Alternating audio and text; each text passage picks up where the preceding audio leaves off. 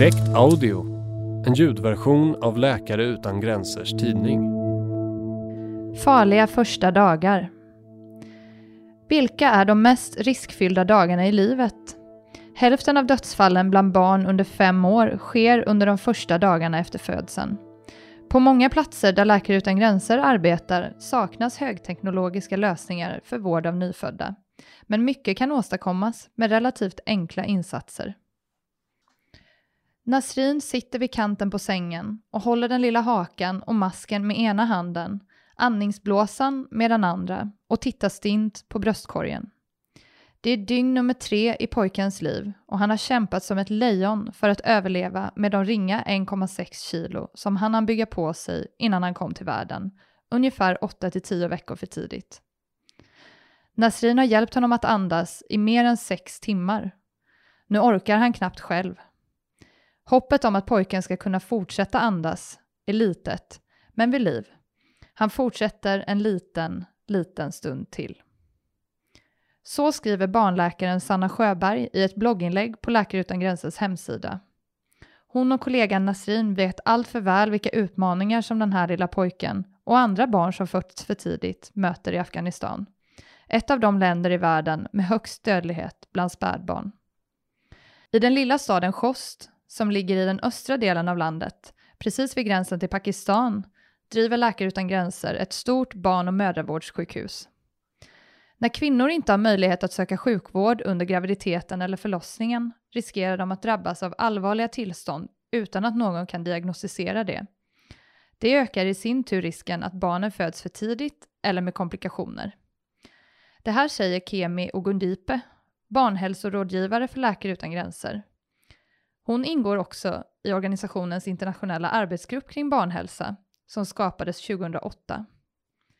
I de flesta länder där vi arbetar utgör barn över hälften av patientskaran och vi har insett att vi behöver ta ett mer fokuserat grepp kring den barnsjukvård som vi ger, säger Kemi Ogundipe. Under de senaste 50 åren har dödligheten hos barn under fem år sjunkit avsevärt. Den här utvecklingen har framför allt skett tack vare den förbättrade tillgången till vaccinationer mot sjukdomar som difteri, stelkramp, kikhosta, mässling, röda hund och påssjuka.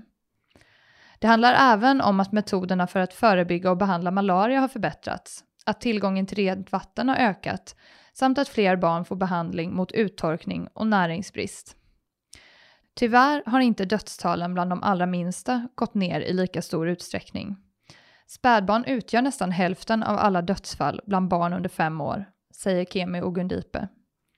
Att spädbarn blir sjuka eller dör beror i stor utsträckning på komplikationer till följd av för tidiga förlossningar eller så kallad asfyxi, det vill säga att barnet drabbas av syrebrist och otillräcklig blodcirkulation.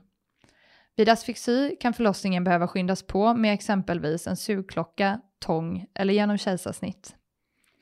Kimi Ogundipe betonar vikten av att kvinnor får regelbundna hälsokontroller under graviditeten för att riskfaktorer ska kunna upptäckas i tid och förebyggas. Något som inte alltid sker i humanitära kriser eller fattiga områden. Välutbildade barnmorskor är också avgörande vid för tidiga förlossningar och asfyxi. En stor del av det som barnhälsoarbetsgruppen gör handlar därför om utbildning.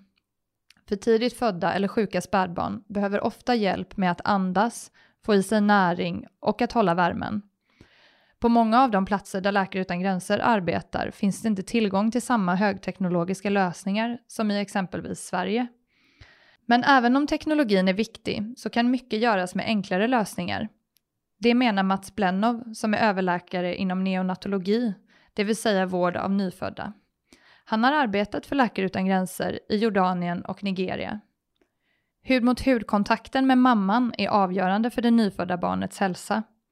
Även i Sverige har vi under de senaste 30 åren satsat allt mer på familjecentrerad vård. Förr skildes mamma och barn åt och det kunde ligga 67 barn i samma sal. Nu har vi familjeavdelningar där föräldrarna kan stanna dygnet runt med barnet. På samma sätt går det att hitta enkla lösningar på de platser där Läkare Utan Gränser jobbar, där hud mot hud blivit en viktig del i insatserna för nyfödda genom den så kallade kängurumetoden. Det är en enkel teknik där spädbarn med hjälp av en sjal har kontinuerlig hudkontakt med mamman eller i andra hand en annan vårdnadshavare i över 20 timmar varje dag.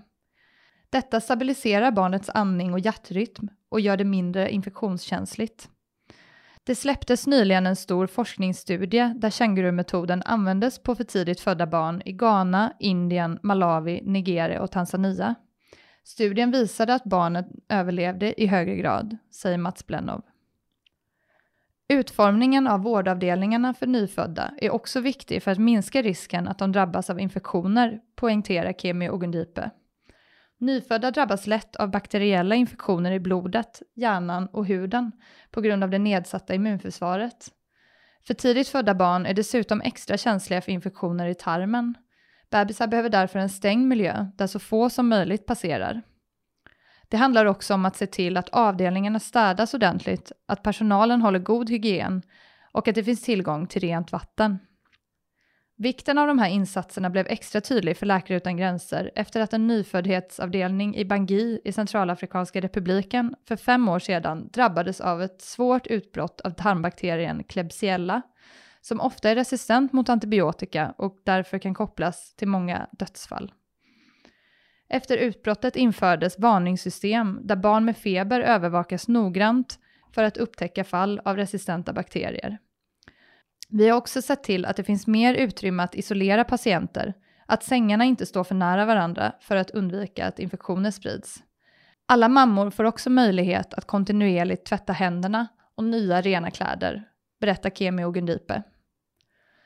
Under de senaste åren har en del mer avancerade vårdlösningar för nyfödda blivit tillgängliga i låginkomstländer.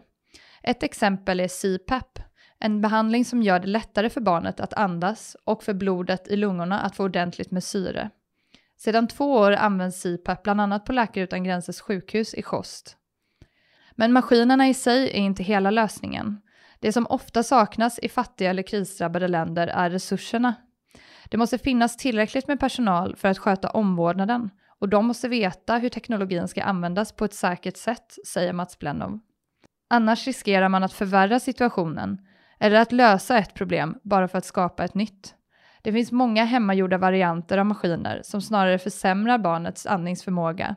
Och om en för hög syrgaskoncentration exempelvis ges i inandningsluften kan detta göra små barn blinda. Kemi Ogundipe tillbringar en stor del av sin arbetstid på sjukhus och kliniker runt om i världen för att lära ut exempelvis hur man använder CPAP eller hur man doserar rätt mängd vätska och näring till små barn så att de inte får för mycket på en och samma gång, vilket kan vara väldigt farligt. Hon är glad att de satsningar som Läkare utan gränser gjort kring vård av nyfödda har gett resultat. Livsviktiga resultat, faktiskt. På många av våra avdelningar för nyfödda låg dödligheten på runt 20% för några år sedan. Förra året hade den gått ner till 7% berättar hon. Hon och de andra i arbetsgruppen är även inblandade i konferensen Pediatric Days som anordnas av Läkare utan gränser. Där samlas organisationens medarbetare och andra aktörer för att presentera ny forskning och hitta nya sätt att samarbeta kring barnsjukvård i humanitära kriser. Eftersom det inte har forskats tillräckligt kring vård av nyfödda i humanitära kriser kan jag sällan använda mig av det som presenteras på andra konferenser.